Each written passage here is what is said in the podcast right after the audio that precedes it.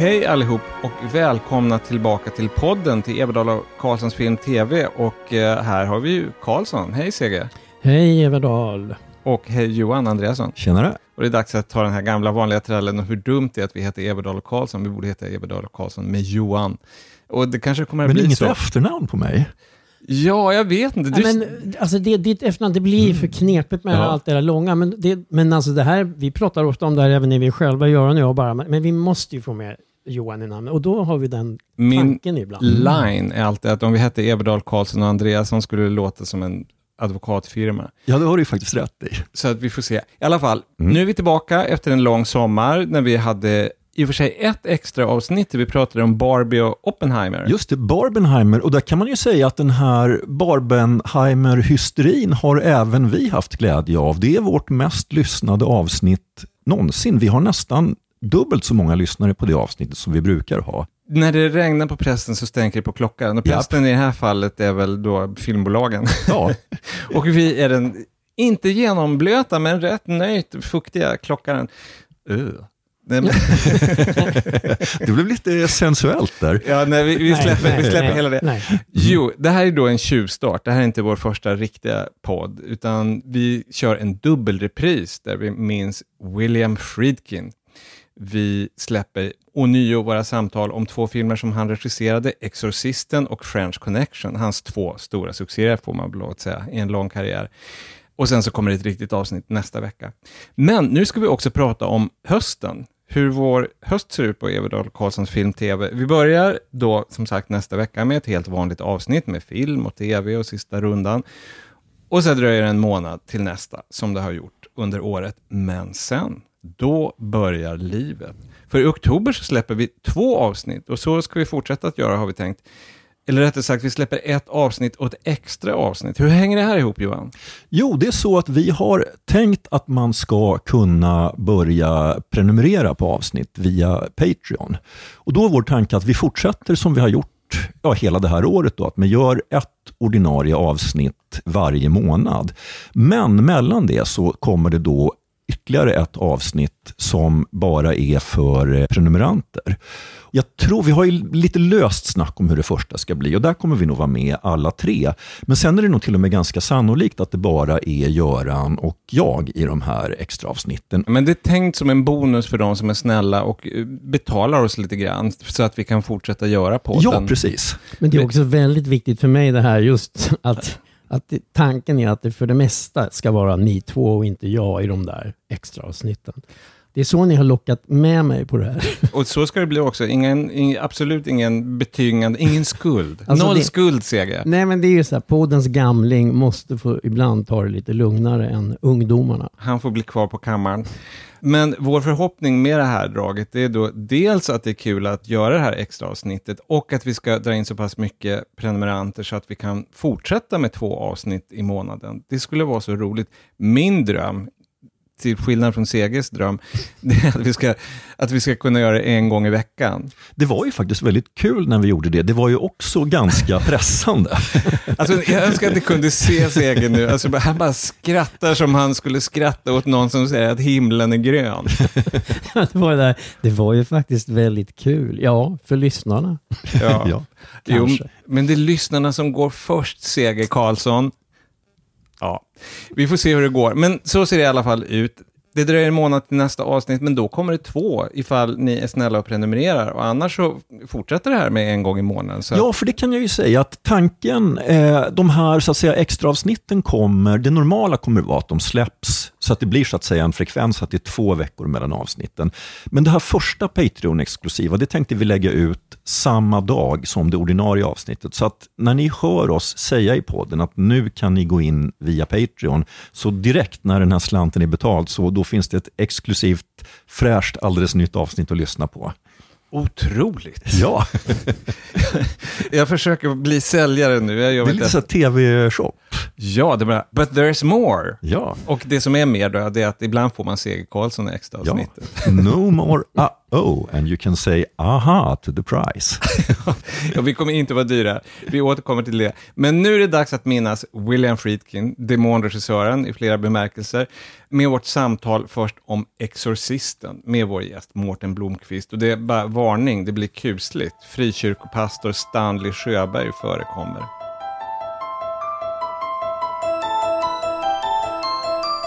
Hej, nu blir det läskigt. Här sitter jag, Göran Everdal, i köket i Vasastan i Stockholm med CG Karlsson och Johan Andreasson. Hej på er. Hej.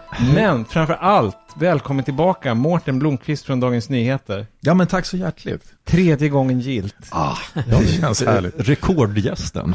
Och vi ska prata om Exorcisten från 1973, eller som den kallades i svenska med, Eklorcisten. Lasse O. Månsson tror jag fortfarande var en del av redaktionen, så det kan vara ett Lasse O-skämt. Ja, eller Bengt Salberg, det är väl det som är alternativen. Jag var nio år när den hade premiär 1974. Du, Mårten, nu vill jag inte vara ofin, men du var ju så gammal så att du faktiskt kunde se den. Ja, tack och lov, det var underbart. Jag var där på premiären. Nu ska vi se, hur gammal kan jag ha varit då? Född 58, hur gammal är man då 74?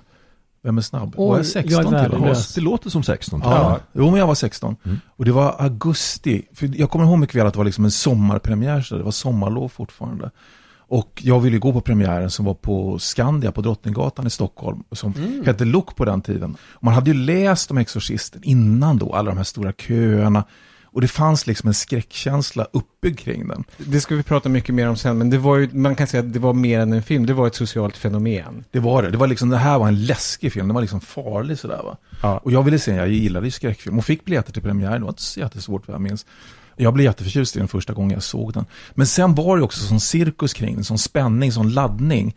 Och jag tror liksom att den hör till de här filmerna, det är lite intressant att tänka sig vilka filmer i filmhistorien är liksom sådär som verkligen gynnas av tiden. Det vill säga det är speciellt kul att ha sett dem precis när de är aktuella. Va? Exorcisten är nog ett paradexempel, alltså för så upptrissad som stämningen var kring den, så gjorde ju det väldigt mycket för filmen. Alltså, det, så har man upplevt det så blir Exorcisten något extra. Och jag kommer ihåg då att när man kommer ut då, utgången är till Gamla Brogatan eller vad det är där, så står alltså pingstpastorn Stanley Sjöberg och delar ut flygblad. Då har hans pingstkyrka som ligger längre ner där, precis bara några kvarter ifrån, de har nattöppet för alla som kan ha varit på Exorcisten och känt liksom att djävulen hoppade in i dem på något vis. Stanley kan på något vis hjälpa, han och hans, hans gäng står där. Så att hans inställning, eller kyrkans inställning, var då att det här var en ond film. Därför att många katoliker ansåg ju precis tvärtom, att det här var någonting som var en slags allmän varning, på det goda sida så att säga. Nej, Stanley var inte inne på det alltså. Han var stenhårt mot. Men jag, sen har jag läst någonstans faktiskt att det kanske kom från, från den här äh, kända väckelsepastorn Billy Graham Ja, i jag, USA. jag har läst samma sak nu när jag för, förberedde mig för filmen. Att han på något sätt ansåg att ondskan liksom vad fanns inneboende i filmen på något sätt. Ja, men det var, det, det var den allmänna känslan. Att den här filmen kunde liksom göra någonting med. Kände du att liksom, fick du in demon i dig när du såg den? Jag tror det. Ah. Förmodligen alltså. Jag har gått och, det, det är något som har känt konstigt sedan dess faktiskt.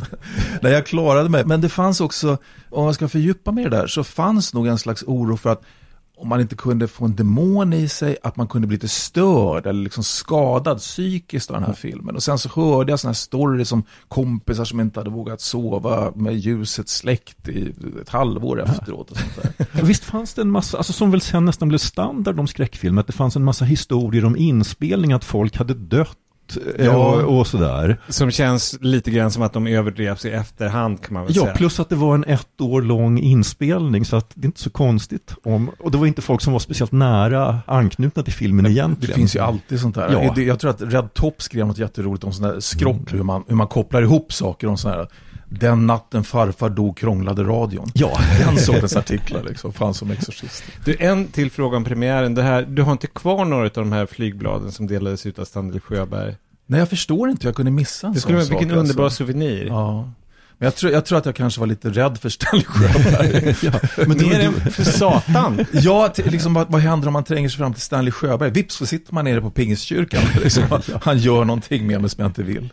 Jag var nu i påsk hälsade på kompisar och han killen där, vi pratade om Exorcisten och då berättade han att han, när han och hans polare såg den så hade de ingen aning om vad, de gick bara på, han växte upp i Strängnäs liksom jag, de gick i Eskilstuna eller någonstans på filmen och visste ingenting. Det här var när den var aktuell alltså? Ja, när den var aktuell. Och de blev liv, alltså de blev liv. De, han sa det, vi blev så rädda så vi skrattade hysteriskt för att vi var så rädda. Alltså även efteråt. Sådär. Om man var under 20 när den kom så minns man den. Även om man som jag då inte kunde se den därför att den var så omtalad. Man blev livrädd bara av de små snuttar som visades i filmkrönikan. I alla fall, för ordningens skull så ska vi kanske säga om Exorcisten att den är då regisserad av William Friedkin. Han har gjort French Connection, Lagens våldsamma män innan dess. Som var en, hur ska vi säga, diskbänksrealistisk polistriller. Så att det här var någonting helt annat. Och handlingen i Exorcisten kanske man inte behöver berätta, men ändå. Det är skumma saker i görningen med lilla Regan som bara är 12 år gammal. Läkarna kan inget göra. Hennes mamma blir desperat. Hon beter sig inte som den lilla flicka hon har varit tidigare. Vi ska lyssna på en scen. Det är en läkare, en av många inkompetenta läkare i den här filmen som har kallats till huset i Georgetown i Washington. Regan, hon ligger i sovrummet och mår dåligt och hon tycks kastas hit och dit av en osynlig kraft. Chris, doctors. Mother, please! Dr. Taylor. Please, what is it? What's happening? It stop! It's burning! It's burning! Do something, doctor. Please help her. Please, Mother! We'll make it stop! He's trying to kill me! Mother! Mother! Make it... All right, listen, let's see what the... Keep away! This hour is mine. Fuck me! Fuck me! Fuck me! Men nu vet jag inte riktigt. Jag trodde det här var en familjepodd. För de som inte hörde det så var det demonen som talar genom lilla Regans mun som säger The sow is mine, suggan är min och suggan det är den här lilla tjejen som demonen tar över. Och det är ju då faktiskt inte Satan eller Lucifer får man reda på. Det är Pazuzu, det är någon demon från Mellanöstern.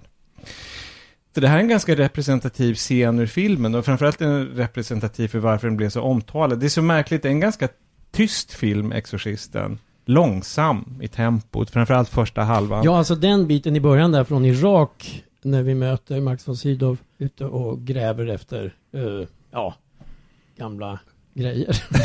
ja. Så är det ju. Han är ju arkeolog helt enkelt. ja, och han hittar väl, det är väl en liten staty av Pazuzu han Ja, hittar. precis. Ja. Lite som gamle kung, eh, vad heter han, Gustav VI. I alla fall, för våra yngre lyssnare, han Mm. var ar- arkeologiskt intresserad. Jag ska nu säga att jag hade tänkt säga, den är ju väldigt replikfattig i början. Alltså hela Mm. det där partiet från Irak, långa scener utan nästan något snack. Och så kommer de här scenerna som den vi hörde, som, där de verkligen vrider på volymen och känslointensiteten till någon slags hysterisk nivå. När man bara ser ett brottstycke av det så kan det nästan verka parodiskt. När man ser det i sitt sammanhang så blir det väldigt läskigt. Det är en av poängerna med filmen tycker jag. Den här kontrasten som finns. Alltså Friedkin kom ju från tv från början och hade gjort mycket dokumentärfilmer och så. Och där hänger, man pratar ju om 70-talet som det här är från, då, som den amerikanska filmens andra guldålder. Och den är ju ganska typisk för den sortens filmer i, i vissa avseenden. Alltså den här lågmälda realismen som finns. Det finns dialogscener mellan Regan och hennes mamma som spelas av Ellen Burstyn. Och sen så mamman, hon är ju stor skådespelerska så hon har någon assistent som hjälper henne, en ung kvinna. När de bara sitter och pratar vid köksbordet och sånt där som ser helt klart ut som om Friedkin har velat få en slags dokumentärkänsla i det. Dialogen flyter lite fram och tillbaka och sånt där. And also you got an invitation. What's this? Dinner at the White House. You're kidding me. What is that, a big party or something? I think it's five or six people. Oh, Thursday, huh? All right. Hi, Mom. What you do today? Stuff. What's that stuff? Well, Eh, Där känns den också så härlig att se. Alltså det, det är liksom inga svaga punkter i filmen. Utan jag gillar dem väldigt mycket för det finns stämning i dem också. Det är inte Ja. skräckstämning. Och där förankras det hela liksom. Så att det är så kul med de här brotten som kommer mellan den här vardagsrealismen och sen så den här fullkomligt vilda svängarna in i Regans sovrum där allting flyger runt och hon kräks. Och...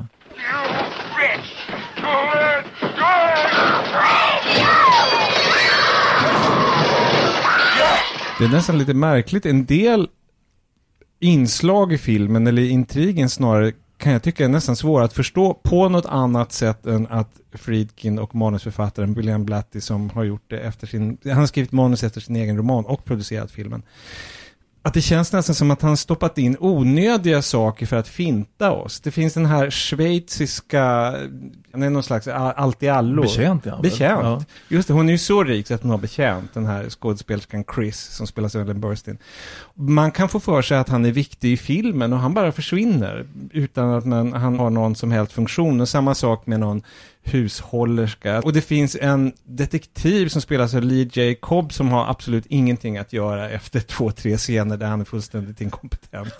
Och han, han, han, vad han har att göra det är att han tillför filmen en charm, tycker jag. Han, Ja. han det Ja. finns en humor. Han är ju så filmfantast och då är han ju så imponerad av den här Ellen Burstyns rollfigur som är skådespelerska. Så att liksom han vill ha hennes autograf. That's okay. I, I, really hate to ask you this, but? For, my daughter, could you please give an autograph? Of course. Uh, where's the pencil? Right here. Oh, she'd love it. Um, and what's her name?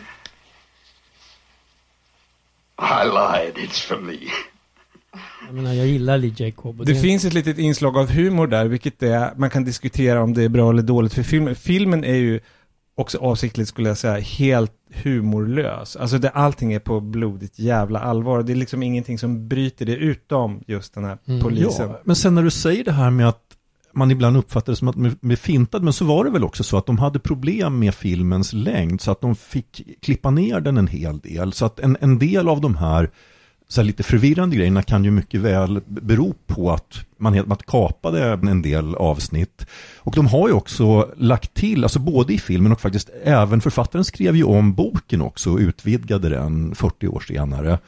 Just det, det finns olika versioner utav den. Nu har jag en fråga till dig, Mårten. Vi nämnde lite grann att den hade en sån otrolig effekt på publiken när den kom. Folk svimmade och spydde och sökte själslig hjälp. Och fungerar den fortfarande på dig? Blir du det minsta skrämd? Eller illa till mods när du ser den?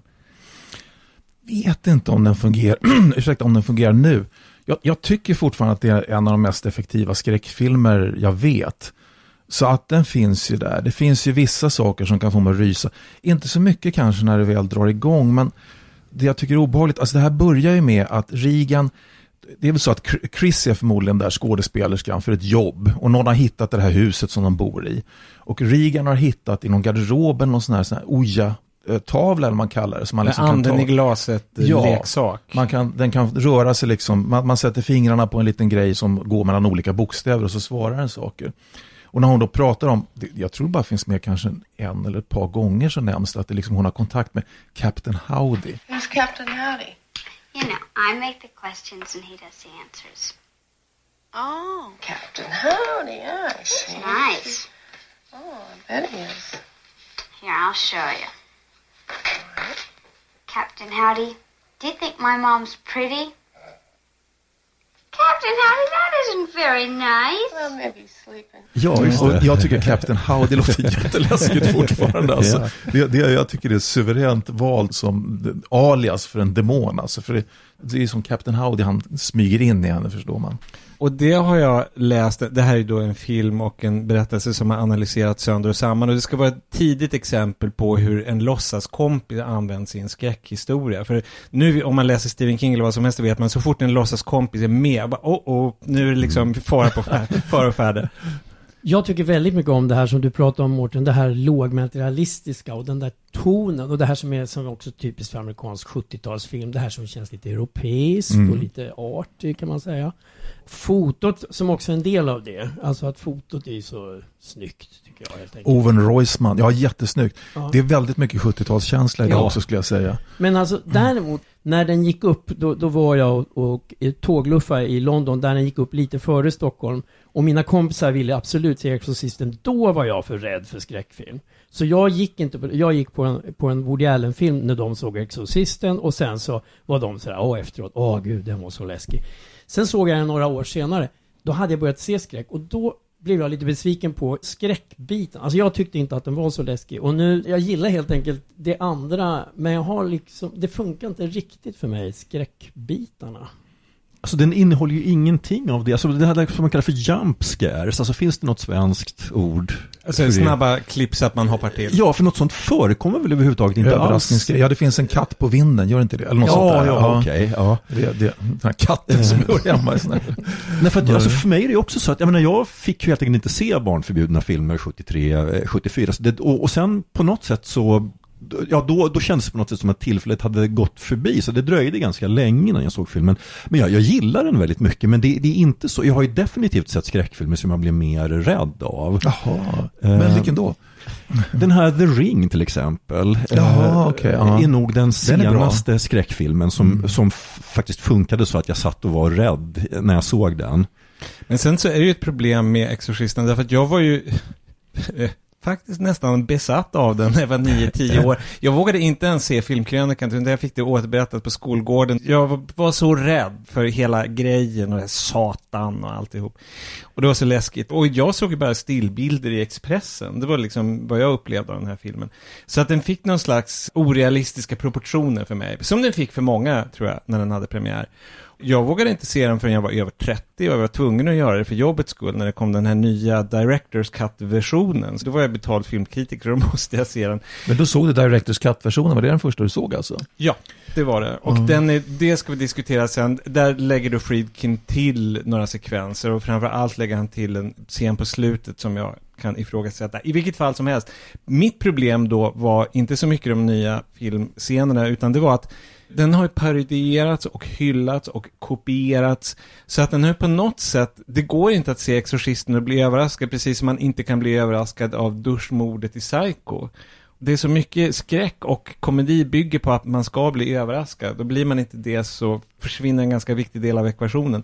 Sen så tycker jag ändå att den är intressant att se och rolig att prata om inte minst. Alltså den är så galen. Ja, Jo men ja, det tycker jag med. Men om vi säger så här rent känslomässigt, eftersom skräck är ju ja, ja, på något sätt på ett känslomässigt plan. Nu när jag såg om den igår. Jag tycker så synd om henne. Tjejen menar jag. Och mamma, alltså mamman.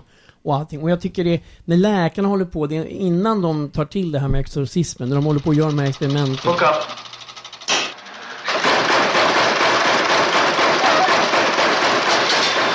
Otäcka maskiner och sprutor. Alltså då, det, det är så Hon blir så fysiskt Det- torterad nästan. Exakt. Då tycker jag känslomässigt att jag liksom blir berörd och att det, det finns något överhuvudtaget sådär sorgligt. Finns det inte alltså ett visst thriller-element i det hela? Jag kan nästan tycka det. va. Om du har Max von Sydow som den här skinntorra gamla fader Merrin. Han är inte bara arkeolog utan han är präst också. Så Det är han ser som är exorcisten. Han är exorcisten. Så vi ser honom i upptakten då i Irak där han håller på och gräver ut. Och det, som ni säger, väldigt stämningsfulla bilder från Irak där han i någon scen står uppställd ansikte mot ansikte mot, med en staty av den här Bazuzu. Ja, Det är så lite high liksom. noon. Alltså det är ju Ja. västernkänsla nästan. Det är det verkligen. Och det blåser lite och så här. Det är mycket blåst i, i Exorcisten när, när det börjar hända saker. Eller överhuvudtaget genomgående är det det liksom. Fina bilder på löv som blåser runt. Ja, väldigt snygga. Och även Ja. den här när han då kommer tillbaka. För det dröjer ju väldigt, först är han med i den här ganska långa inledningen. Sen dröjer det ju väldigt länge innan han dyker upp igen. Men då är det ju också en sån där helt otrolig bild när han står utanför huset, liksom omgiven av det här Det som sen blir filmaffischen. Ja, ja, underbar. Tittar upp mot fönstret där. Men han kommer ju liksom som den här, som en slags nästan revolverman då. Ifrån Irak, inhyrd liksom. Ja, det är precis så Och- det känns. ja. Nu, nu kommer Lucky Luke. Ja, nu kommer den här skinntorra gamla prästen och eh, tar itu med demonen här och bedriver exorcism. Och Du där ska få finns... se på fan. Mrs. McNeil. Yes. I'm Father Mary. Thank you. Is Father Karras here? Yes. Father? Ja, Men där finns nästan ett, ett, ett thriller-element tycker jag, när man ställer de här olika typerna mot varandra. Den fullkomligt vildsint utlevande Bazuzu. Som liksom skriker 'fuck him, fuck Jesus' det är. ja. Och, och den här Max von Sydow tillknäppt liksom. The demon is a liar. He will like to confuse us. But he will also mix lies with the truth to attack us. The attack is psychological, Damien. And powerful. So don't listen. Remember that. Do not listen. Tala inte med demonen. Nej. Ja, så finns det ju verkligen ett thriller, eftersom jag menar Ja. dödsfallet och sådär, det för första som kommer. Ja, precis. Regissören till filmen dör ju ja. eh, på ett sätt. Alltså regissören till filmen i filmen. ja, Ja, just det. Tack. Förlåt min övertydlighet. William Friedkin är fortfarande med oss. Ja, han är 83 år. Han som spelas av eh, Burke, han dog ju ganska snart efteråt. Ja, vet du, alltså han dog i januari 73. Alltså Mm. innan filmen hade haft, ja det är ju flera månader. Ja, och han har ju skräckfilms credentials, för han, han är ju en av Polanskis favoritskådisar. Polanski hade honom i uh, Djävulsk gisslan, Cul-de-sac. Och sen så också i Vampyrernas natt. Och sen skriver Polanski väldigt varmt om honom i sina memoarer. Han hade velat ha honom i någon mer film, men sen så dog han tyvärr. Dog i influensa läste jag. Ja, Nej, men han är ju då regissören i filmen, precis som du säger, ja. och som eh, dör på ett sätt som man förstår att det här måste vara Regan alias Pazuzu som har sett till att han dör. Då. Det är dock den här kommissarien som spelas av Lee J. Cobb, han går i den här branta, otäcka Ja. trappan. Som nu tror jag kallas för exorcisttrappan. Det finns någon liten plakett där. Det, det är ju då en äkta miljö, men den är ju som gjord för en skräckfilm. Men han är ju jättebra, Lydia Cobb, alltså, på det han gör. Vilket är egentligen att gå omkring i en stor rock och se ut som tryggheten själv. Alltså. Ja, han har lite, så- ja, han har lite så här Columbo-roll nästan. Att, Ja, det har han. Förutom att han inte fattar någonting. Men, men där måste väl ni kanske känna som jag, det tror jag gjorde redan på premiären. Redan då tror jag jag visste så pass mycket om film så att jag, att jag liksom visste att Lee J. Cobb var en storhet. Han hade ju varit med i Storstadshamn av Elia Mm. Kazan, en av Marlon Brandos viktigaste filmer. Han spelade en, en otäck maffiaboss som hette Johnny Friendly. Ja. Och sen så hade han en stor roll i uh, 12 edsvurna män också, som en jurymedlem i Ja. det här uh, jurydramat. Nej, för det är inte så många kända skådisar. Nej. Det är då Ellen Burstyn, men hon spelar ju då filmstjärna och så också Max, Max von Sydow då, men han, han var ju liksom mer så här arthouse. Men Burstyn var ju inte känd alltså. Alltså hon hade väl gjort lite, var, var inte hon med i, vad, vad är det nu din Det är nästan samtidigt. favorit? Alice bor inte här längre, var nästan samtidigt. Ja, men, Ja, men den kom efter. Men, men visst var hon också med i sista föreställningen, som ju var en stor film. Ja, Men jag tror alltså att, att eh, Friedkin säger att han hade lite svårt att få dem att nappa på, på Burstyn. De försökte ju med stora stjärnor först, men Audrey Hepburn bland annat som ville att om ni spelar in den i Rom så. Ja, ja. Underligt att tänka sig Audrey Hepburn i den här filmen. Men sen har vi då Max von Sydow och det är märkligt att tänka sig att det här är ju inte riktigt samtidigt, men det är väldigt nära i tiden när han spelade Karl Oskar i Utvandrarna. Alltså han var ju en ung man ja förhållandevis. han, var liksom, han var 44 år. Ja, Det ja. här fan- gjordes. ja. Ja, men de ja, han har ju ålderssminkning och han skakar med händerna. Alltså, han ska ju se väldigt, väldigt mycket Ja. Men är det inte väldigt bra Det är en ålderssminkning? jätte, jättebra Alltså, ålderssminkning. De har gjort något med Eh, händerna också som Ja. ser ådriga ut. Och så. Det är ju väldigt mycket prat och medrätta sminkningen på Linda Blair att få den här lilla söta flickan att bli till ett monster. Men de har ju gjort ett lika bra men mycket mer diskret jobb med Max von Sydow därför att ålderssminkning är ju ganska svårt. Man har ju sett så många pinsamma exempel. Alltså det är ju inte ofta det blir rätt än idag med dagens resurser. Och man ifrågasätter aldrig att Max von Sydow är 80 år i den här filmen. Nej, han, han, han rör sig ju väldigt bra också som en gamling. Ja men verkligen. Där måste jag säga återigen då, som jag har gnällt lite om att jag inte riktigt blir rädd så här, men däremot så tycker jag att det finns en otrolig intensitet i det som är exorcismen. Alltså när Max och den andra prästen, när de håller på, den kampen, alltså det, de scener, vi pratade förut om fysiskt, alltså det är också så fysiska scener och liksom Max von Sydow går ju all in. I command you, by the judge of the living and the dead, to depart from the servant of God.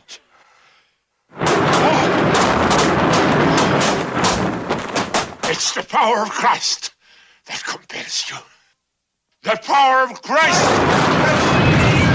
The power of Christ compels you. The power of Christ compels you. The power of Christ compels you. Så han tar ju den här rollen så totalt på fullt allvar. Och jag menar, det vore väl korkat annars. Men Ja. alltså, det tycker jag, de är väldigt intensiva. Även den här yngre prästen som spelas av någon som heter Jason Miller som väl var pjäsförfattare egentligen och inte var skådis så ofta. Men han är ju helt perfekt i den här rollen. Han, han känns väldigt plågad. Det, Ja. Om det finns någon som genomgår någon utveckling i filmen så är det han därför att han ifrågasätter sin tro och sen får han på ett väldigt påtagligt sätt bevisat att åtminstone djävulen existerar. Och Gud, därför att Gud sätter ju då till moteld via Max von Sydow. Jag och Johan, vi såg igår en dokumentär från BBC där Jason Miller intervjuades inför nypremiären för, det, är nu 15 år sedan i alla fall. Då berättade han att, att den här på, inspelningen pågick ju en evig tid. Alltså det var en jättelång inspelning, 10 månader eller någonting. Max von Sydow är med rätt lite i filmen, så att han kommer in på slutet när alla andra har liksom jobbat i evigheter med filmen och det har blivit någon slags vardag för dem. Och så ska Max von Sydow spela in sin första scen mot Linda Blair och det första hon gör att hon skriker Your mother sucks cock in hell. och då, Max von Sydow som inte är en diva, men då, då stoppade han och sa förlåt, jag måste bara, jag måste bara smälta det här lite grann. och så blåser de på nytt. Det, det, det är liksom, just det att allt det här kommer från ett barn och scenen när hon hugger sig själv i underlivet med ett krucifix, alltså det är, det här var ett stort filmbolag, Warner Brothers.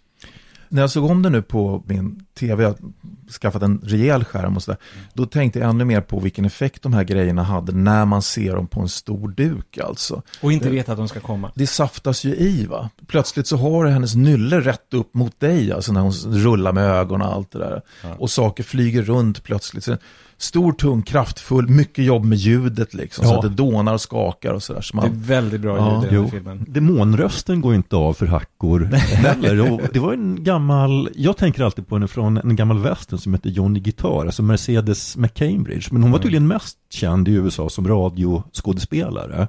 Hon har ju, för att uttrycka saken milt, en, en väldigt speciell röst, i synnerhet i Exorcisten. Ja. Men om man har chansen att se Johnny Guitar, gör det. Därför att hon är helt oförglömlig där. Hon, det finns en intensitet som man inte hittar i så många skådespelare. Överhuvudtaget en häftig film tycker jag. Ja. Johnny Guitar. Oh. En framtida klassiker kanske. Ja, verkligen. Om. Men det hon säger, nu vi, vi har ju sagt några, citerat lite så här. Det var liksom ännu snuskigare än vad jag mindes. Och jag undrar lite, har ni koll på det där med, jag tänker så här, Ja, det, det, är klart att om det skulle gå i amerikansk TV då fattar jag att det bara piper hela tiden. Men som i USA med censur och sådär, för det är, jo, men det, det väldigt var, grova grejer. Jo, men det, det var absolut reaktioner. Att jag såg i någon grej som jag kollade nu inför att vi tittar på den. här filmkritikern Roger Ebert tyckte att, den hade ju en sån där, i USA, de skulle ha en R-rating, men han tyckte att den borde haft en X-rating. och som i princip bara porr har. Hmm. Mm. Ja, det är en väldigt märklig film på det sättet att den är, den är gjord för att man ska bli chockad.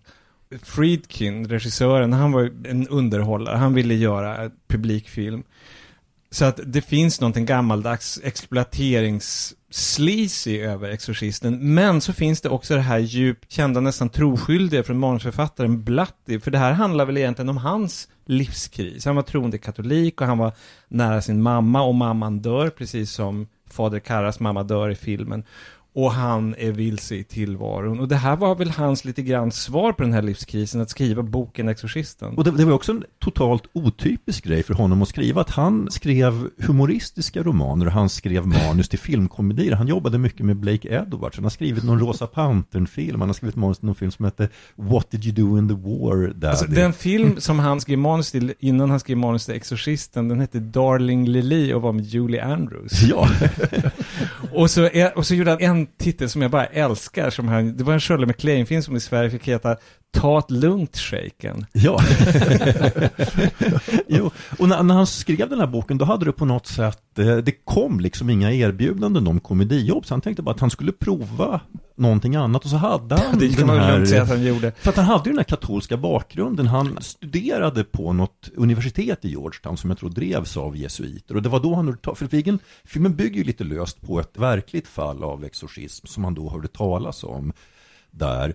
Och han researchade allt det här väldigt noga och han liksom kände för det själv. Men så, det var också så att han hade väldigt bråttom när han skrev boken, speciellt på slutet. Så att det som han skickade in till förlaget var, alltså first draft säger man nu, så det är inte riktigt ett första utkast, men det är liksom en första version och han fick sen då ett erbjudande om att skriva en Paul Newman-film för en massa pengar som han inte kunde tacka nej till. Så han gjorde någonting han inte riktigt var van vid och han, han säger själv i efterhand att han avsåg egentligen inte att skrämmas utan han ville ju skriva just, han, han kallar det för en whodunit om trosfrågor.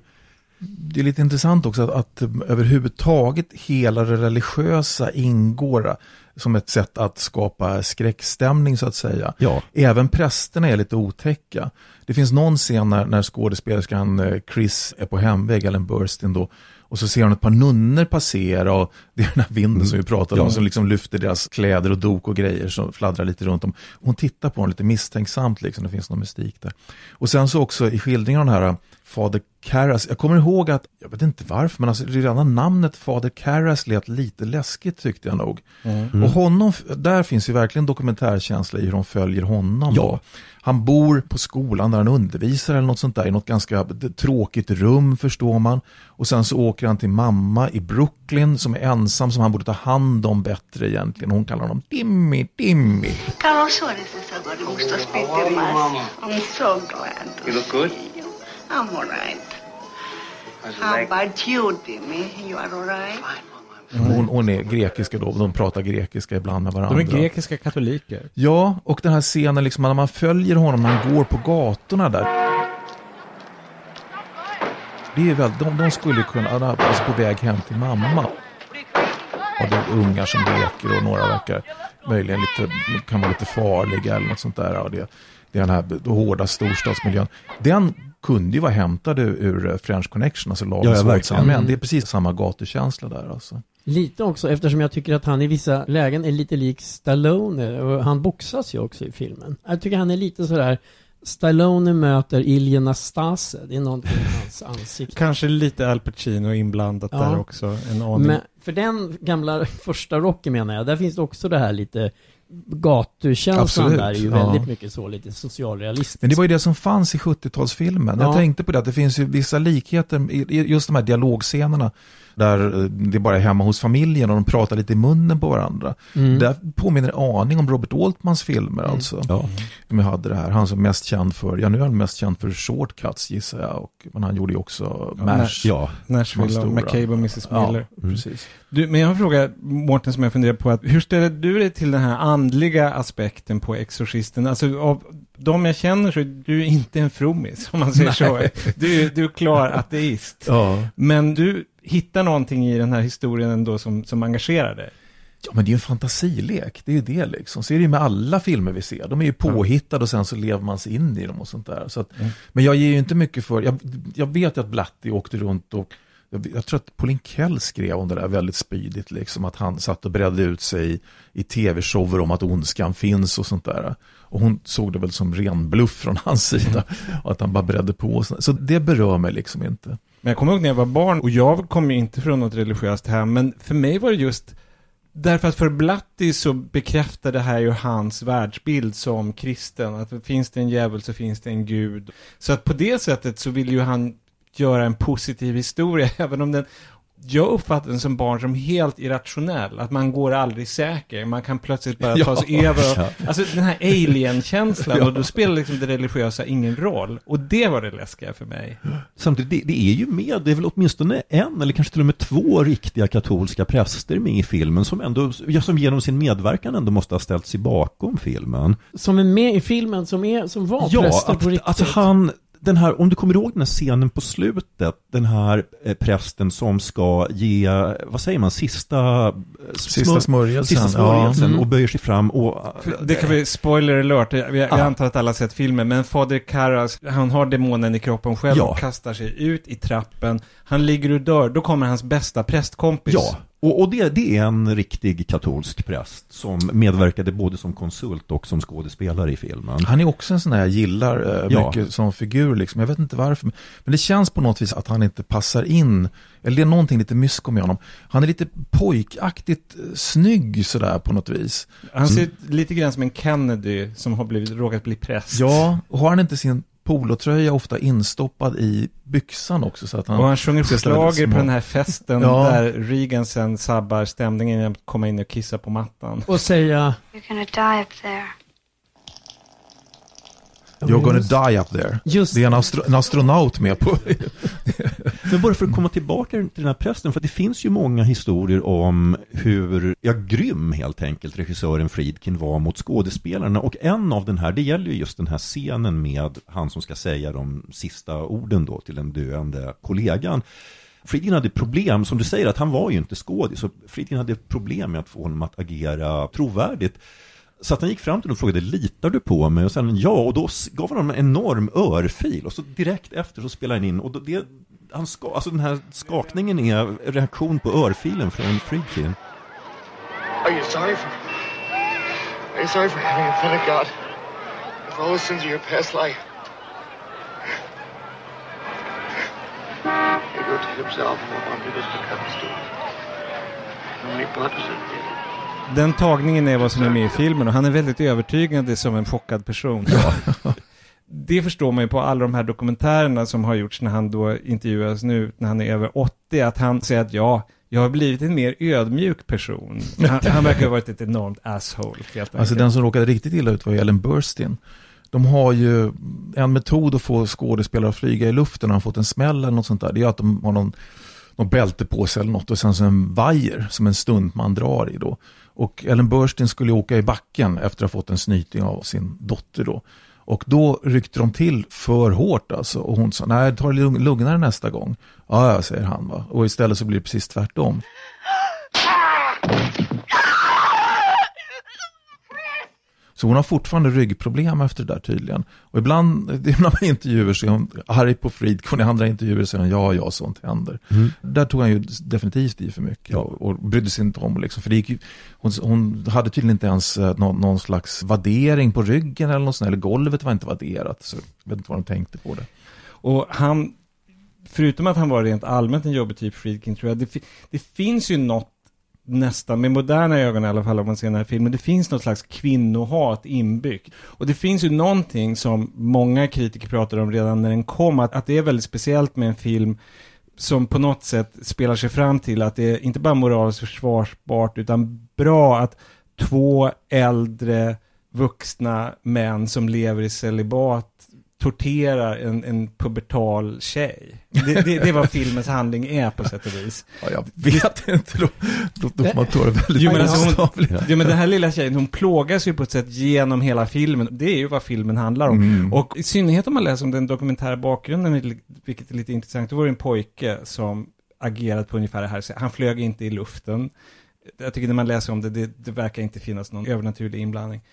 Det kändes som självskadebeteende. Allt det här blödandet, han rev sig på kroppen och blödde och han kräktes och matvägrade och allting sånt där. Pojken i det riktiga fallet som, eller Ja. i fallet som det bygger på. Ja. Ja, och det är ju precis vad som händer i filmen också, plus det övernaturliga. Men alltså jag tror att, att exorcism, när man läser om det eller hör talas om det, alltså det finns ju fortfarande den här folk som ska driva ut onda andar. Och i de flesta fall så verkar det ju vara ren sadism från vuxnas sida alltså. Det finns ju sådana hemska fall då och då som dyker upp alltså om, om, om barn som har blivit ihjältorterade. Det är någon som säger andarna skulle drivas ut Ja. eller något Mm. sånt där. Ja. Så det är, mer, det är nästan en, en självskadebeteende skulle jag säga. Ja, men sen, sen finns det ju också verkligen ett samband mellan puberteten och skräckfilm. Alltså dels som motiv i film, men också att det är i puberteten som man har en väldig dragning till skräck. Alltså Carrie tänker man ju direkt Ja, Carrie. på. Och, då. alltså, det är väldigt lätt att förstå. Ja, där är det bokstavligt talat menstruation. Här i Exorcisten är det mer symboliskt, men att det är ju slående hur mycket kroppsvätskor det kommer ifrån Regan och hur äckliga de är. Hon spottar, hon spyr, hon Kissar. blöder, hon kissar på Ja. mattan.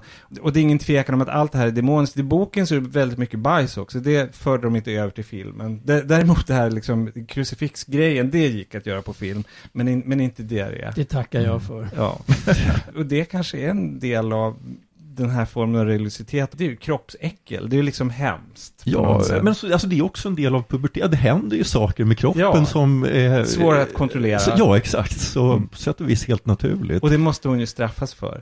Men, men finns det något som är, är komediinslag så är det tycker jag, den här strömmen av eh, förnuftiga psykiatriker och läkare. Så de, de finns i alla skräckfilmer, de här som ska förklara någonting sådär liksom. Och där ligger hon och liksom flyger upp i taket i sängen och hon säger, ja väldigt starka rörelser kan det ju bli ibland när man har de här sjukdomarna. Och det, då är Ellen Burstyn ganska bra liksom. Vad pratar ni om? Hon blir så jävla- hon håller på att bli galen på att höra de här bortförklaringarna. We still think the temporal lobe. Oh, what are you talking about, for Christ's sakes? Did you see her or not? She's acting like she's fucking out of her mind, psychotic, like a, what, a split personality or... Vi kanske ska prata lite grann om de här olika versionerna av filmen också. Därför att jag och Johan, vi såg ju då den här omklippta, nyare versionen med några extra scener. Jag vet inte vad du säger Johan, alltså den som jag tycker gjorde skada, det var på slutet där Lee J. Cobb får komma tillbaka och de i princip plankar slutscenen på Casablanca och att man förstår att han blir polare med prästen som överlevde, alltså prästen som ger sista smörjelsen till fader Karas. Det som egentligen tillförde något, det var väl alltså det som man kallar för den här spindelgången som de blev tvungna att klippa bort därför att de gjorde den med trådar som syntes i den analoga versionen men som gick att, att ta bort digitalt. Det är en läskig scen som filmen vinner på. Sen fanns det ju en scen som speciellt författaren Blatty ville ha med som hade någon sorts religiös betydelse för honom. Och som för honom gjorde också att en troende katolik kunde se filmen med gott samvete. För den gjorde ingenting för mig, kan jag säga. Det är en kort dialogscen mellan fader Karas och fader Merrin där Karas då som krisar sig varför, varför den här oskyldiga flickan. Alltså säger Merrin att jag tror att det handlar om att demonen vill förnedra oss. Han vill att tro att vi inte är en del av Guds skapelse, att vi bara är djur. Så att det är en liten Mm. teologisk grej. Jag tycker att den är överflödig på ett sätt. Å andra sidan tycker jag att, att, att Max von Sydow är med så lite i filmen han är så bra i den scenen. Ja. Så att jag, jag har glädje av den på det sättet. Däremot så, ju mer kaotisk och förvirrande den är, desto bättre tycker jag den är. För, för mig är det en film om existentiell ångest, så ju mer teologisk ordning det blir, desto mindre effektiv blir den som skräck. För mig. Och det är också mitt problem med det här nya slutscenen som är så här lite komisk, som blir en sån här liten rosetta, att ja, allt återgår till ordning. Det tycker jag inte riktigt att det ska. Det är en mycket bättre slutbild med prästen som står och stirrar hopplöst ner för den här hemska trappan, vilket är slutbilden i originalversionen.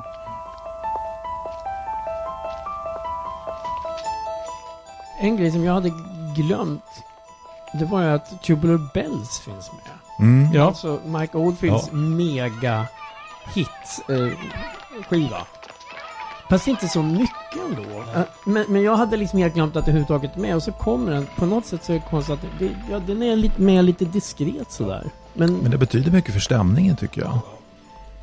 Det är väl det att det är det klockklang i den, så man liksom associerar till kyrkor lite grann med hjälp av den också. Och det finns någonting nervöst. Ja, det, det, det finns någonting nervigt i den Mm. som, som passar i filmen. Sen är den inte med så mycket, men man kommer ihåg den väldigt väl. Alltså den, Mm. den används ja, det var framförallt nu, nu när jag såg om den just för att det var så länge sedan jag hörde den helt enkelt. Så var det så här, ja men där har vi ju gamle Mike Oldfield liksom.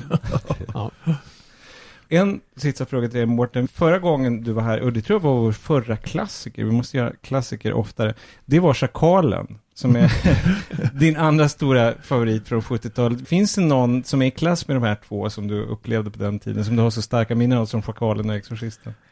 Ja, men hela 70-talet alltså. Det var, jag har ju insett i efterhand att jag hade en väldigt tur som var i precis rätt ålder och började gå då liksom, för det var ju verkligen guldåldern. De två viktigaste filmerna är, för mig är A Clockwork Orange och Taxi Driver och det är båda 70-talsfilmer också. Ja, men de kanske väntar i vår framtid då, i klassikern. Då ska jag bara konstatera att vi har sett Exorcisten från 1973 i regi av William Friedkin. Den finns på Netflix, då är det den här originalversionen med det dystrare slutet. Den finns på Blu-ray och DVD, den som vi såg, där man får ha ett leende på läpparna. Det är lite vitsig dialog i sista scenen. Jag kan säga att jag såg den på Netflix igår och det var jättebra bildmässigt och sådär. Och då säger vi hej då, dröm vackra drömmar. Och vi har som två veckor i ett helt vanligt Everdal och Karlsson Film TV.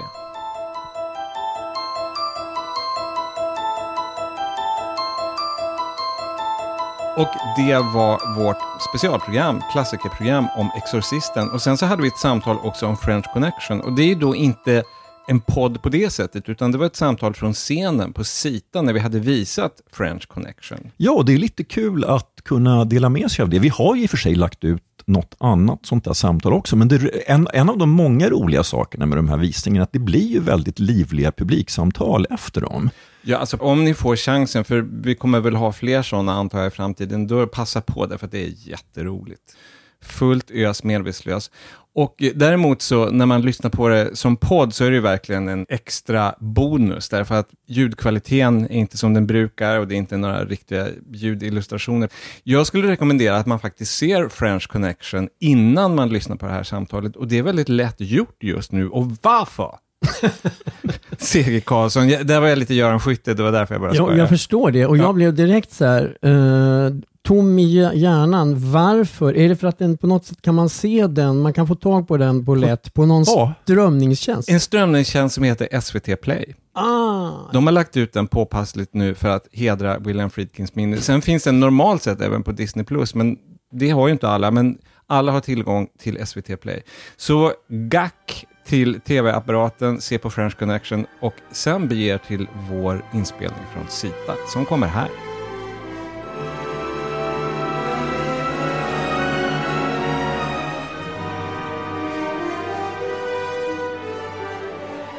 Då stiger vi in i vår tidsmaskin och beger oss till början av oktober 2022 på Sita i Stockholm. Det sitter en publik i salongen och det sitter tre poddare på scen.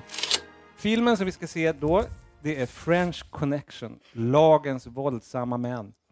Och det är en sån där svensk titel som ingen någonsin använder, lite grann som att alla vet väl att Citizen Kane heter ju En sensation. Och I det här fallet så tycker jag att Lagens våldsamma män är en ganska passande svensk titel. Och den är från 1971 i regi av William Friedkin. Och det här med 1971, det här är faktiskt sant att det var bara några dagar sedan som vi alla kom på att just ja, vår, vi har bara haft en visning som sagt och det var ju då den sista föreställningen från 1971.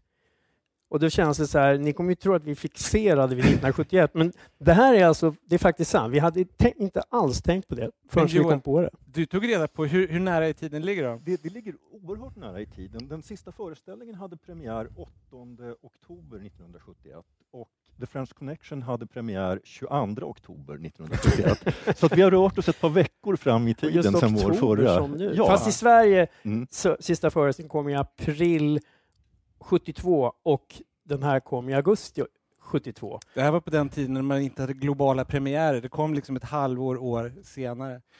Det var också på den tiden då jag var tillräckligt gammal för att se filmer på bio som inte ni då. Just det, men du var ju, jag, ja. jag, jag var sju jag började ettan det här året, så att det här var inte aktuellt för mig. Men, men du såg den alltså på bio? Ja, precis som sista föreställningen. Så att eh, jo, det är en av fördelarna när man är tidigt född. Ja, nej, jag var inte, hade inte heller åldern inne, så jag fick nöja mig med att läsa parodin i Mad.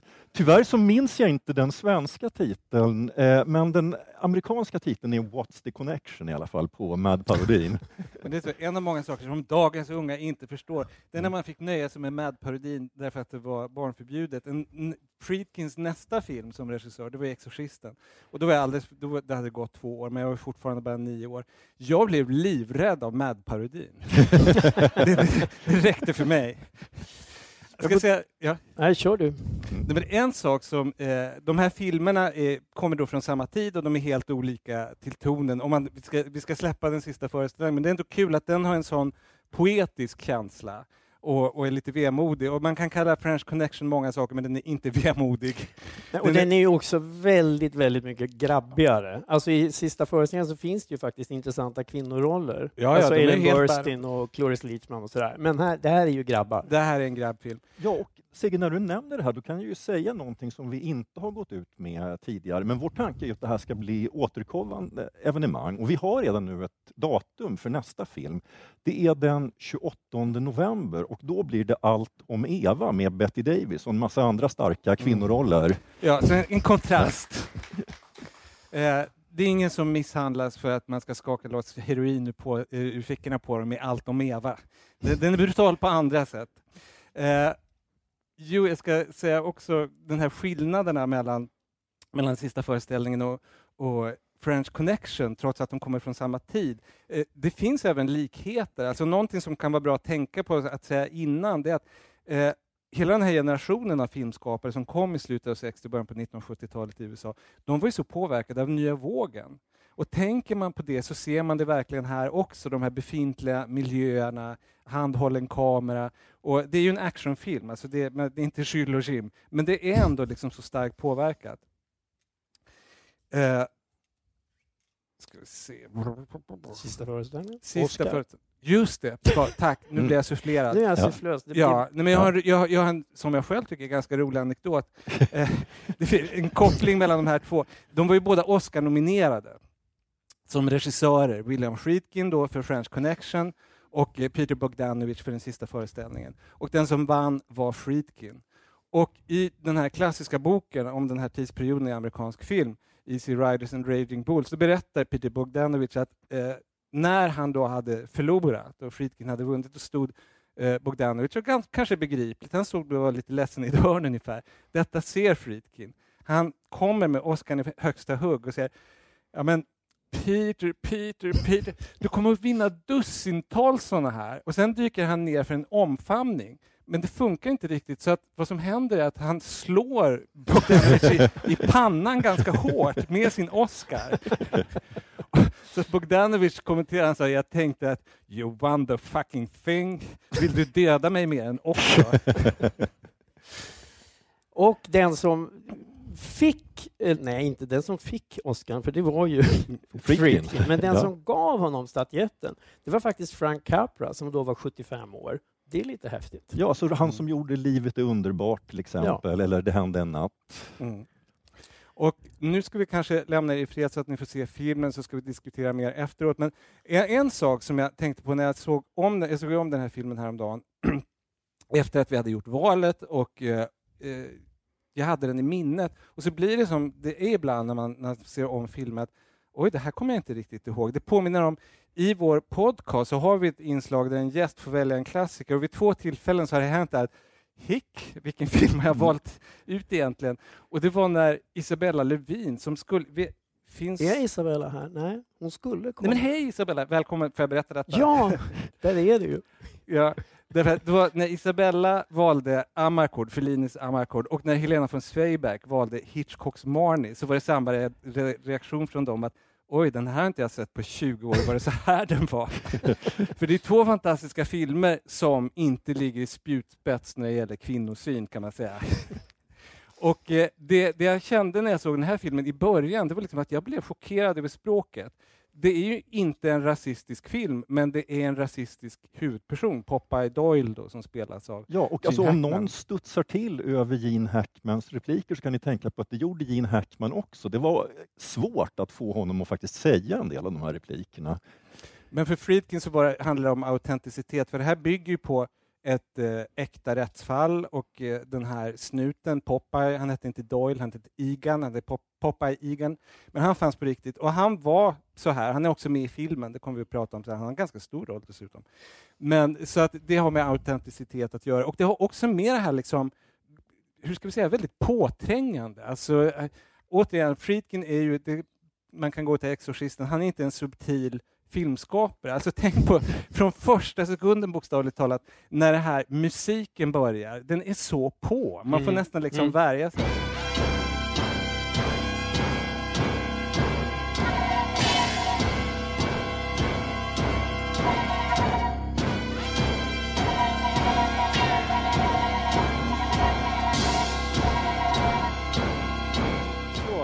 Nu, känner er manglade nu. och den här filmen som är absurt nog 51, 51 år gammal. Oj. 1971. Och jag, jag gjorde ett sånt där litet tankeexperiment. Att det, det är alltså 50 år ungefär. Och går man då lika långt tillbaka i tiden som man måste, som för French Connection, som vi gör för att komma till den tiden, då hamnar man på 1920. Det är lika lång tid eh, för William Friedkin att se tillbaka på det som det är för oss att se tillbaka på den här filmen. Och det som är slående är hur lite som ändå har förändrats sen French Connections dagar. Att ja, det, det var mer polisonger och det var lite risigare i New York, men det är så här en, en kriminalhistoria berättas på film fortfarande. Om man ser på The Wire, om man ser på en lyckad eh, snutfilm, då är det ungefär så här den ser ut. Det ser inte ut som en, en stumfilm från 1920. Nej, men Göran, just när du säger att man får backa till 20-talet om man så att säga går lika långt bakåt som framåt, då är det så att William Friedkin har sagt många, många år senare att han är glad att när han gjorde den här filmen att han aldrig hade sett en Buster Keaton-film. Ja. För att om han hade sett någon av Buster Keatons jakter så hade han aldrig försökt göra en egen. Jag, jag tyckte han lyckades rätt väl med Ja, det får man säga. Vi får ge honom godkänt. Du, Ja. vi, ska, vi ska samtala en stund naturligtvis om filmen, men vi hade tänkt att börja med att faktiskt ställa en fråga till er som är här just nu om slutet på filmen, alltså innan eftertexterna och innan man får veta vilka som blir straffade och vilka som klarar sig. Så där. Det sista som händer det är att Gene Hackman, Popeye Doyle, han springer iväg i den här läskiga miljön och förs- försvinner i skuggorna. Och sen hör man bara ett skott. Och sen är filmen slut. Vad, är det någon som har en teori? Vad händer sist i French Connection egentligen? Alltså han säger ju själv att han satt i klipprummet med soundmixern och bara kände att han tyckte det var lite sömnigt där. Liksom det behövdes någonting och, bara, och så säger han det där Let's end it with a bang. och för då hade tydligen soundkillen, men vadå, ett skott? Varför det? Och då liksom, ja. Ja, och då, då ska vi väl tillägga att det som står i de här eftertexterna, alltså namnen är ju ut, alltså det här, den här filmen bygger ju på ett riktigt fall. Eh, det tror jag inträffade 1962. Men alltså i stort sett allt i filmen utom just den här berömda jakten, för den, den är helt påhittad. Men i princip så följer den här filmen det verkliga fallet och de här påföljderna för de inblandade är helt riktiga. Och tydligen så är det så att han, den så att säga överbossen, han som smiter och sen inte blev straffad, att det var omöjligt att sätta honom i fängelse i Frankrike för han var kompis med de Gaulle från motståndsrörelsen. Och det här, det här är ju filmat när de Gaulle fortfarande var Frankrikes president. Sen ska jag säga en sak, eh, om man ska avsluta det här med, med det oförklarade skottet, så han, eh, Friedkin är en sån där som vissa regissörer är, att han jobbar väldigt hårt på sitt eftermäle. Han, han ger massvis av intervjuer, underbara anekdoter. Han är en fantastisk berättare. Ibland stämmer de här anekdoterna överens med varandra, men sen går åren och han liksom mixar Ja. lite även där och för, förbättrar och förändrar, kanske glömmer. Men en sak med det här slutskottet är att han säger, han säger just det där att det betyder absolut ingenting. Och han tycker att det är så otroligt roligt när filmvetare försöker tolka in någonting. En symbolism i det. Men nu ska, jag, jag kan inte påstå att jag är någon filmvetare av rang, men jag är kritiker, så nu ska jag vara en tråkig filmkritiker och tolka lite. Därför att oavsett vad avsikten var av Friedkin, så för mig det där skottet blir det här är motsatsen till en pusseldeckare. Om man ser en pusseldeckare så är det lite grann, ja det finns ondska i världen, en o, någon som är oskyldig har dött, men det finns en logik. Det går bokstavligt talat att pussla ihop det och den som är skyldig straffas och allting stämmer överens.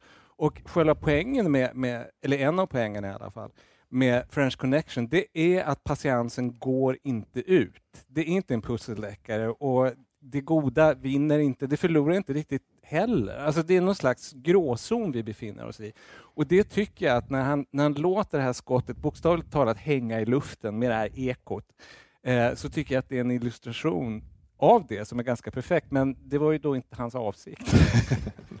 ja. Ja, det, Ja. Gene Hackman är med i French Connection 2 också.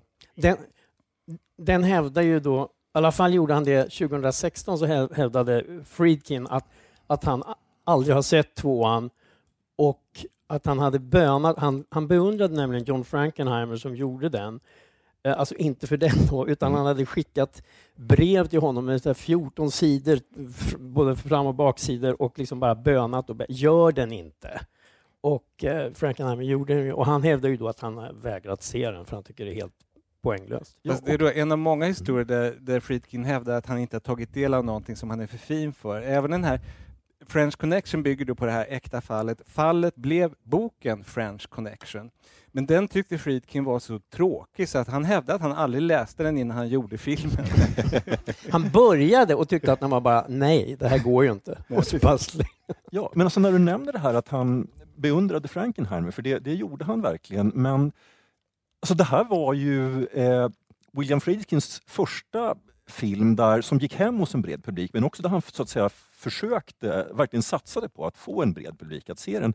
Han hade en bakgrund som dels dokumentärfilmare och så hade han också gjort några ganska smala arthouse-filmer plus bisarrt nog en musikal som heter The Night They Raided Minskys. Som tydligen ska vara rätt okej, men det är liksom inte ett personligt Är inte verk av honom. Ekland med den, har jag en känsla av. Jag, jag, jag måste Ja, erkänna att jag inte har sett den. Jag, jag försöker se alla Mm. musikaler, men just den här har jag missat. eh, men så att, så att Frankenheimers förebilder, det var ju då, just för att han var så här lite artig, så att hans förebilder var europeisk film. Men vänta, framförallt. Fra- nu sa du Frankenheimer. Förlåt, Frankenheimer. Eh, Ja, Friedkin, Friedkin, naturligtvis. bara ja, så att- bra, ja. så vi, vi är på rätt Ja. F. Ja. Eh, men han, han hade också då, det är en speciell film som han sa, för att han, det, det som Friedkin har försökt här, det är att det ska vara en spelfilm som känns som en dokumentär. Och han sa att jag förstod att man kunde göra så när jag såg Costa Gavras Z han lever, som väl är från 69 tror jag. Ja, jag tror det. Så han hade den väldigt färskt i minnet och som var verkligen en ja, tydlig, tydlig förebild för honom. Jo, det har han ju verkligen sagt. Den gav honom Mm. mod att prova Ja, det här. Så, ja. ja. Och den ligger nära verkligheten på ett sätt som man inte riktigt begriper när man ser filmen första gången, utan först jag liksom läste på i efterhand. Som att en sak som skildras ganska exakt som det hände i verkligheten, det är den här sanslösa sekvensen när de plockar isär bilen och sen sätter ihop bilen exakt som ny på fyra timmar. Och det, detta är en sann historia. Det skedde. Och det roliga är att mekanikern som gjorde det i verkligheten spelar sig själv i filmen. Han som säger "Nej, men nu har jag plockat isär allt. Det är han. Ja, Och det, men den scen, det är så häftigt. Den har ju två sådana här scener som jag tycker väldigt mycket om som är sådär detaljerat man får se. Det är när de plockar isär bilen och sen är det också den här när den här experten på knarket när han ska testa Ja. det Mm, första ja. Det påminner mig lite om någonting som jag vet att Mårten Blomqvist, var han nu sitter, den, Vår, den här, vår trogne gäst i vår podden. trogne gäst, gäst Där har i, vi honom. ja, i Schakalen så finns det sån här scen när de, han håller på med det här vapnet, du vet. Kikarsiktet. Ja, kikarsiktet som, som, som är också så väldigt detaljerat skildrat, så där, det tar sin tid. Och, liksom, och jag, jag tänker lite på det. Ja, men det är Sånt det här där- så knark så funkar det. Ja, eller plocka ner bil, så funkar det. Ja, men det, är, det finns ju ett namn på den genren i alla fall, ja, både i, inom litterat, deckarlitteraturen och på film, det här procedural, alltså Mm. att, man, att man visar på ett korrekt sätt tekniskt hur ett sånt här skeende går till. Men och nu när man ser det här, French Connection idag, så känner man att ja, men det är väl en kriminalfilm, det är så de är.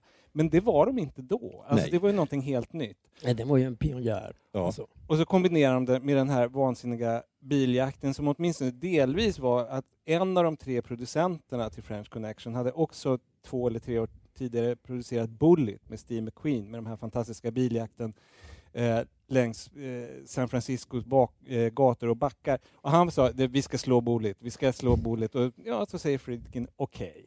Vi ska det. Och om man får tro Friedkin, återigen en person som ogärna gör en bra historia sämre, så var, hade de inte något tillstånd när de spelade in detta. Nej, och det, det tror jag faktiskt är helt sant. För att, alltså, vi, vi har ju försökt läsa på efter bästa förmåga här. Och när du säger att den här, han som hittar knarket i, i bilen, det är så att säga den riktiga personen. Eh, och de två poliserna som då löste det här verkliga fallet från 62, de var oerhört eh, medverkande i den här filmen. De var med under hela inspelningen och de liksom ser till, de frågar... Vad, Till vad skulle- Gene Hackmans förtret. Han till Gene Hackmans förtret. då, då, då, säger han, då frågar han, vad skulle ni säga om ni går in i en bar? Och så får Gene Hackman säga det, vilket han inte alltid var helt lycklig över. Ska jag säga det Mm. inom parentes sagt, jag varnar ju för liksom att, att det finns vissa repliker som idag låter liksom väldigt ovanligt fula. De var faktiskt bortklippta Ja, de, här. de har varit inne och städat lite De är kvar på. Disney Plus om någon är intresserad. Ja. Av alla ställen. Ja, men jag tänkte fortsätta med de här poliserna. Eh, för de, Ja. de var ju då två stycken och en av dem medverkar i en ganska stor roll i filmen. Alltså han är alltså, han heter, hette i verkligheten Eddie Egan och han spelar deras chef här som heter Simonson. Ja, alltså polischefen som när de vill ha, göra avlyssningar och han som säger “you're off the case” och sånt där. Ja, Eh, Och som är väldigt hetsig och bra Mm. i rollen och undrar på det. Han är ju den riktiga Popeye. ja. Jag tror att alltså, han irriterar sig på Hackman och Hackman irriterar sig... Alltså de helt enkelt, de klickar ju inte alls. Jag tycker lite synd om Hack. Kan du berätta, Seger, historien hur han blev rollbesatt? Jo, alltså för det var ju så att eh, Friedkin ville ju inte alls ha Hackman. Han ville ju, den han allra helst ville ha, tycker jag är så komiskt, det var ju Peter Boyle som spelade Frankensteins monster, monstret i Young Frankenstein, eller vad heter Det våras för Frankenstein. Och sen, sen många år senare i den här sitcomen Alla älskar Raymond så var han ju liksom svärfar. Och honom, det var Friedkins första val. Men han ville inte för han skulle satsa på romantiska komedier. Vilket Friedkin hade väldigt roligt åt. Han tyckte liksom, har han sett sig i spegeln.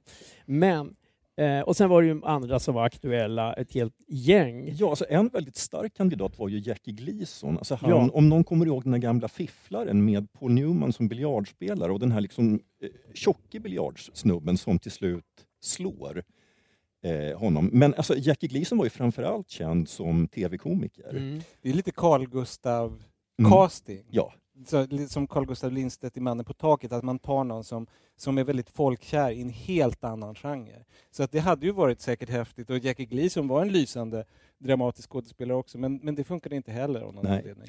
Men sen, men sen så var det ju så här att Friedkin till slut, för då var ju liksom producenten på honom och, och då började det liksom närma sig, men, det här med Gene Hackman, han, är liksom bra. han hade ju då gjort mest biroller och TV. Mm. Och, eh, Bonnie och Clyde var väl det när han ja, blev lite och det är bredare. ju ändå en biroll. Liksom. Mm. Ja, och, nej, men Friedkin ville inte ha honom. Och sen så, och då träffades de på en lunch. Och det, här, det, det är det här du syftar på när du säger att det är synd om Hackman. För det här finns ju då, båda pratar om det i en- i den här dokumentären, BBC. Och liksom Friedkin han säger att Åh, det var så otroligt tråkig lunch. Jag höll på att somna. Han var så tråkig, Gene Hackman. Och sen efter det så kommer ett klipp med Gene Hackman och han säger att det var en jättetrevlig lunch och William Friedkin var så rolig. Och då, och då känner man liksom, ja, lite synd om Så att han, han, blev, han fick då Gene Hackman på halsen, vilket man kan säga var då... Det, sån, tur, sån otur ska man ha i livet. Men Friedkin var inte nöjd och framförallt så tyckte han att eh, Hackman var för soft, att han inte var till, fångade den här otroliga liksom, hårdheten hos den äkta Popeye som då heter Egan och inte Doyle. Och denna äkta då, Eddie Egan Popeye, han var med vid inspelningen av i princip varenda scen och liksom hängde över axeln och var missnöjd med hur han porträtterades. Och jag menar, ifall man ser scenerna när, när den här polischefen är arg så förstår man att det fanns en ilska där. Nu måste jag säga att eh, det här, och även då eh, Friedkin var tydligen, han är känd i många sammanhang, inte minst Exorcisten-inspelningen, hur manipulativ han var, hur han liksom nästan kunde misshandla folk för att liksom få rätt reaktion på scen. Alltså, Exorcisten är det här berömda att han, han, han sköt väldigt nära med pistol för att de skulle hoppa till och liksom de, de riskerade hörselskador. Alltså han var inte riktigt balanserad.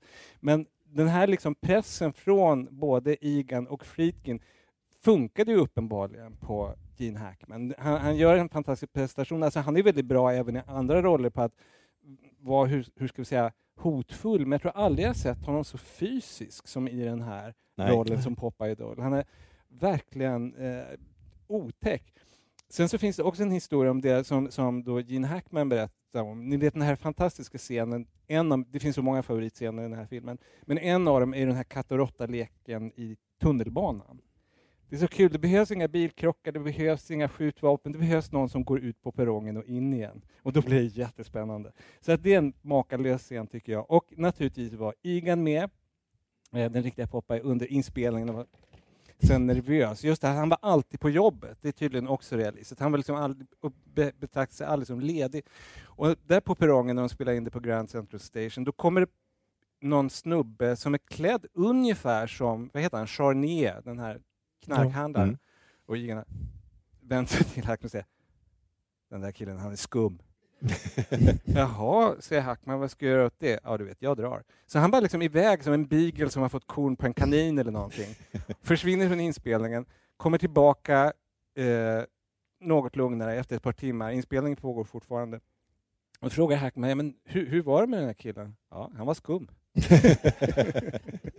Men när vi är inne på just den scenen alltså med eh, Gene Hackman, alltså Popeye Doyle och då den så att säga överste eh, knarkkungen. För att, Fransos fransosen, ja, Frog number one. Frog number one. Ja. Eh, för att med Hackman så var det ju ändå så att det var inte Friedkins eh, förstahandsval, men det var ändå så att säga en avsiktlig process som ledde till att han fick rollen. Men den skådespelaren som spelar knarkkungen Charnier. Ja, eh, Alltså Fernando Rey. Ja, som heter Fernando Rey. Han fick rollen totalt av misstag. Eh, alltså det var så att Friedkin hade sett, han gillade ju eh, europeisk arthouse-film, så att han hade sett Buñuels Dagfjärilen och blev väldigt imponerad av en skådespelare i den filmen. Då sa han till personen som skötte castingen att jag, jag vill ha den här snubben från Buñuel-filmen. Och då anlitade eh, castingmannen Fernando Rey som är med i många Buñuel-filmer men inte just i Dagfjärilen. Utan så den skådisen som, Ja. eh, som Friedkin ville Francisco ha, Rabal var han det. heter Francisco Rabal. Men det roliga är att liksom Friedkin åker till flygplatsen för att möta Fernando Rey som kommer till USA för den här eh, rollen då. Och Friedkin ser honom och liksom, men och förstår den här han, han väntar på mig nu, alltså sådär, så frågar han. Och, och då bara, men du är ju inte, ja, och det slutar med att Friedkin får veta då att jaha, det här det är ju inte alls han jag vill ha. Han är ju inte Och ens, Fernando Rey spanjor inte fransman, så Ja. han fick liksom dubbla. det var faktiskt den andra killen också. Ja, så att det hade varit lika Spanjor. illa med den Men andra. däremot så var det inte han han ville ha. Och då ringer han medan liksom han har liksom gått upp på hotellrummet Fernando Rey, då ringer han producenten och säger nej men det, här är ju, jag sparkar honom, jag vill inte ha honom. Och, men sen så visade det sig att den här han ville ha var inte tillgänglig, så då var det bara så här, okej, okay, vi får Vi köra kör. med Fernando Rey. Och det ångrar han säkert inte heller, för Han är ju perfekt i den Ja. där rollen. Ja. Och även, man ser hur mycket liksom rekvisita och kostym kan göra. Den där rocken han har och den där, jag, jag fattar aldrig om det är en käpp eller ett paraply, men den där silverkryckan som liksom rör sig i, genom folk. Alltså det är genialt. Och han, har, han ser på något sätt lite depraverad ut. Eller det tolkar jag in i alla fall. En, en detalj till in Ja. om eh, Fernando Rey som jag bara tycker är så kul att han står med ett kastspö. Ja. I, alltså där i Marseille i den där Ja. scenen. Det är så liksom bara, det finns, det finns liksom bara, ja. och så. Och då, då kommer jag att tänka på Marseille och då måste jag prata om det som jag egentligen tycker är absolut bästa med den här filmen och som är, även om resten inte skulle vara värt något, vilket det är, så skulle, alltså miljöskildringen är ju fullständigt Ja. makalös. Alltså det är ju som en tidsmaskin, man är på plats och det gäller både de här korta scenerna i Marseille och naturligtvis New York. Tydligen var det, nu vet jag inte om jag har siffrorna exakt rätt, men jag tror att det är ungefär 120 eh, exteriörer, alltså hu- 120 miljöer på stan som de klämde på 80 arbetsdagar. Så att de jobbade snabbt och de jobbade i bitter kyla. Alltså det var Ja, så det. kallt Mm. i december, januari så att, att eh, kamerorna frös och det funkade inte. Det var liksom, det finns den här scenen, ni vet när när Charnier och hans lönnmördare sitter och äter gott på en restaurang och så står Gene Hackman utanför. Och de zoomar in genom det här fanta- fantastiska fönstret. Det var ett sånt där typexempel på när eh, Friedkin manipulerade Gene Hackman för att göra honom förbannad. Att han lät honom vara ute orimligt länge i den här kylan. Och det är verkligen, han behövde inte spela. Och det var en närbild på händerna och Friedkin vägrade vara nöjd med hur han vred på händerna. Och det, det var tagning efter tagning. Eh, i, för övrigt så hävdar Friedkin att han nästan alltid tar första eller andra tagningen, så att det här var bara ett sätt att plåga Hackman. Och till slut så tröttnar Hackman och säger, men hur fan, du måste visa själv, ta på dig de här tunna vantarna och visa, jo jag vill att du ska göra så här. Så liksom, ja okej, då kör vi. Och så gjorde Hackman så här. Och så gick han och kom inte tillbaka resten av dagen. han hade fått nog. Ja, men sen när vi talar om just Mm. den scenen, för det var också Alltså just den här kontrasten mellan den liksom bildade, han är gourmet, han är välklädd eh, och det är då skurken. Mm. Medan polisen är liksom råbarkad och, och det, det var så att säga en, en sak, en stark eh, motivation för Friedkin att varför han ville göra filmen, att just göra de, de här ombytta rollerna. Eh, Och att han var, just att han var också så brutal och ga- ja, men han, Ja. han är ju galen. Mm. Jag, Alltså- jag, får ju säga att när jag, när jag såg på ett personligt plan, när jag såg den här filmen, jag har, med åren, så det är kanske någon som känner igen sig i det här, så känner jag, håller jag på att bli liksom vresig? Har jag fått kort stubin? Sen, till min glädje, såg jag en French Connection och insåg att det är långt kvar till Popeye Doyle. Han är liksom totalt oberedd. Han har problem med impulskontrollen. Jösses. Men eh, ska säga en sak när det gäller just eh, kameraarbetet och, och det filmiska som är så helt fantastiskt och att de använder det här i stort sett bara naturligt ljus och sånt där. Ja, det är nästan så lite dogmaaktigt. Ja. Ja, de det. hade sådana regler för och Ja. den här handhållna kameran som är inte unik för French Connection, det var ju fler som experimenterade med sånt. Men det, är så- i och med att, att Friedkin, han hade börjat på TV och som dokumentärfilmare och sen så hade han gått över till att göra dramatiska grejer för Alfred Hitchcock Presents. Men han var en kunnig och kompetent dokumentärfilmare. Så att han hittade, eh, nu ska vi se, nu ska jag fuska och se vad han hette. Alltså, eh, DPn, alltså filmfotografen heter Owen Reisman och han gjorde liksom de här underbara skildringarna av New York liksom i helfigur. Men sen så fanns det en kameraman under honom som hette Enrique Bravo som var kuban. Och inte vilken kuban som helst, det var han som ansvarade under Fidel Castro för att dokumentera revolutionen på Kuba. Så att han följde med Fidel och rebellerna i djungeln och sen på gatorna i Havanna. Och sen blev han ovän med Castro och flydde och behövde jobb. Och då fick han jobb bland annat på French Connection. Så att så fort det är handhållen kamera, då är det den här Enrique Bravo som, som var med om revolutionen på Kuba. Och enligt Friedkin själv så fick han gav aldrig några instruktioner till Enrique Bravo. Det var aldrig så att de liksom tränade, sen går du dit och sen går du dit och så ställer du det på det krysset. Nej, nej. Utan det var bara Eh, här har du skådespelarna, följ efter dem och se vad som händer.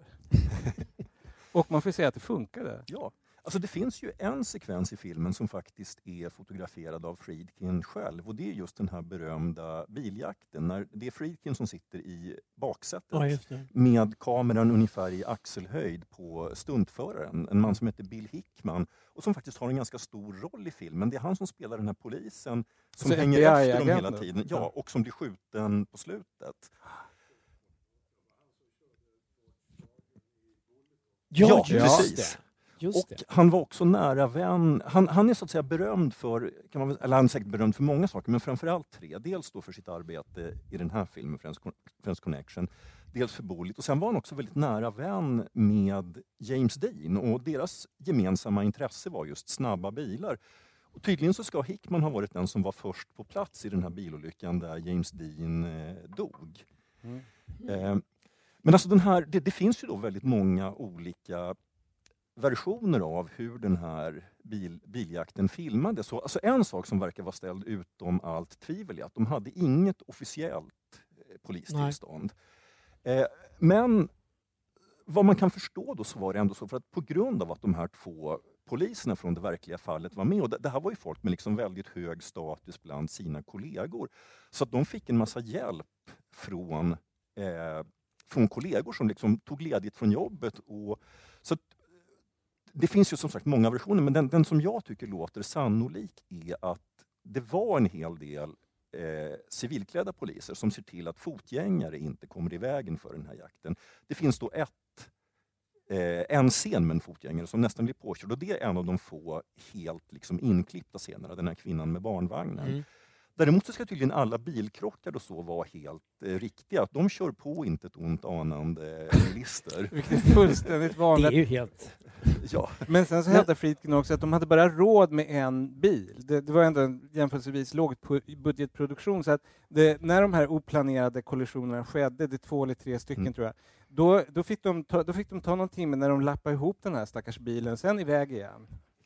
Den, alltså den här scenen på Brooklyn Bridge där det blir en sån här trafikstockning när, när, när de håller på och, och ja, skuggar en kille och så blir det trafikstockning. Den fixade ju de här poliskompisarna till de här två som är Ja. liksom, det, för Friedkin sa att kan ni fixa liksom en, en trafikstockning på Brooklyn Bridge? Ja visst, och då bara, så då ställde de sina bilar så att, och så lyckades skapa en trafikstockning. Så sen kom det andra såna här helikopterpoliser och som såg allt det här och liksom anropade vad är, vad är det som händer? Vad är det för, och så, äh, men det är lugnt, det, det, vi håller på med en filminspelning. Men helt utan tillstånd, Ja. utan det här gjorde de på fritiden. Men Manhattan i början på 70-talet var ju liksom en kaotisk plats på ett annat sätt än vad det är idag. Alltså det, det, var, det är väldigt få filmer från den här perioden. Alltså det finns ju senare Taxi Driver och Scorsese-filmerna. Men annars är det rätt få som är filmade på plats i Manhattan och då är det ofta bara liksom några få exteriörer. Därför att det var nästan omöjligt att få tillstånd, så det var kanske därför de också Ja. liksom inte ens brydde sig. Idag är det helt annorlunda. Eh, staden och staten New York eh, uppmuntrar filmteam att arbeta där, därför att det ger så många arbetstillfällen. Och de kan ta betalt för de här tillstånden. Sen är det en sak, Johan, som, som jag vet att du kan förklara. Kommer du ihåg det här underliga, i synnerhet i början av filmen när de ska förhöra olika misstänkta brottslingar. Då går Poppa plötsligt loss i, har du, har du petat dig i fötterna i Poughkeepsie? Som han kom, återkommer till den där absurda frasen gång på gång. Och Poughkeepsie är ju då en småstad i staten New York. Men var, varifrån kommer den här konstiga frasen? Alltså det kommer ifrån de här verkliga poliserna och det var tydligen en förhörsteknik som han hade. Att han oerhört aggressivt kom med helt absurda, obegripliga påståenden. Och så ställde han liksom en serie helt vansinniga frågor för att få personen ur balans. Och sen kom det en riktig fråga. Men var bor langaren? Eller något Ja. sånt där. Och ja, det ska tydligen ha funkat eh, ganska bra. Men det finns något roligt att den äkta polisen som gjorde då, den här Popeye Egan som spelar polischefen, det är han som frågar då sitt alter ego Gene Hackman, do you still pick your feet in Poughkeepsie? Ja, jo, det, det, det är hans replik. Och sen så har, det finns ju också exempel, alltså helt oförklarade exempel som bara var från eh, riktigt polisarbete. Att det- förekommer ju på några ställen i filmen, dels ganska tidigt och sen så kommer det tillbaka, att de lägger en halmhatt Mm. i bakrutan förklaras aldrig. Men det, det har jag också då hört Friedkin berätta om. Jo, men det, det var någonting som poliser gjorde för sina kollegor. Att låg det en halmhatt i bakrutan, då skulle de inte ta en bil som bröt mot en massa trafikregler. För då, då var det poliser som var ute på ett uppdrag. Man kan väl säga att den där halmhatten blev hårdutnyttjad i den här filmen. Och sen, om, sen Roy Scheider har vi inte nämnt. Mm. Nej, som är så det. bra i, i den här, det är ju en supporting roll, alltså han, har, han märks så mycket mindre och han heter ju då, alltså i original, originalpersonen då, den verkliga snuten, hette Sonny Grosso.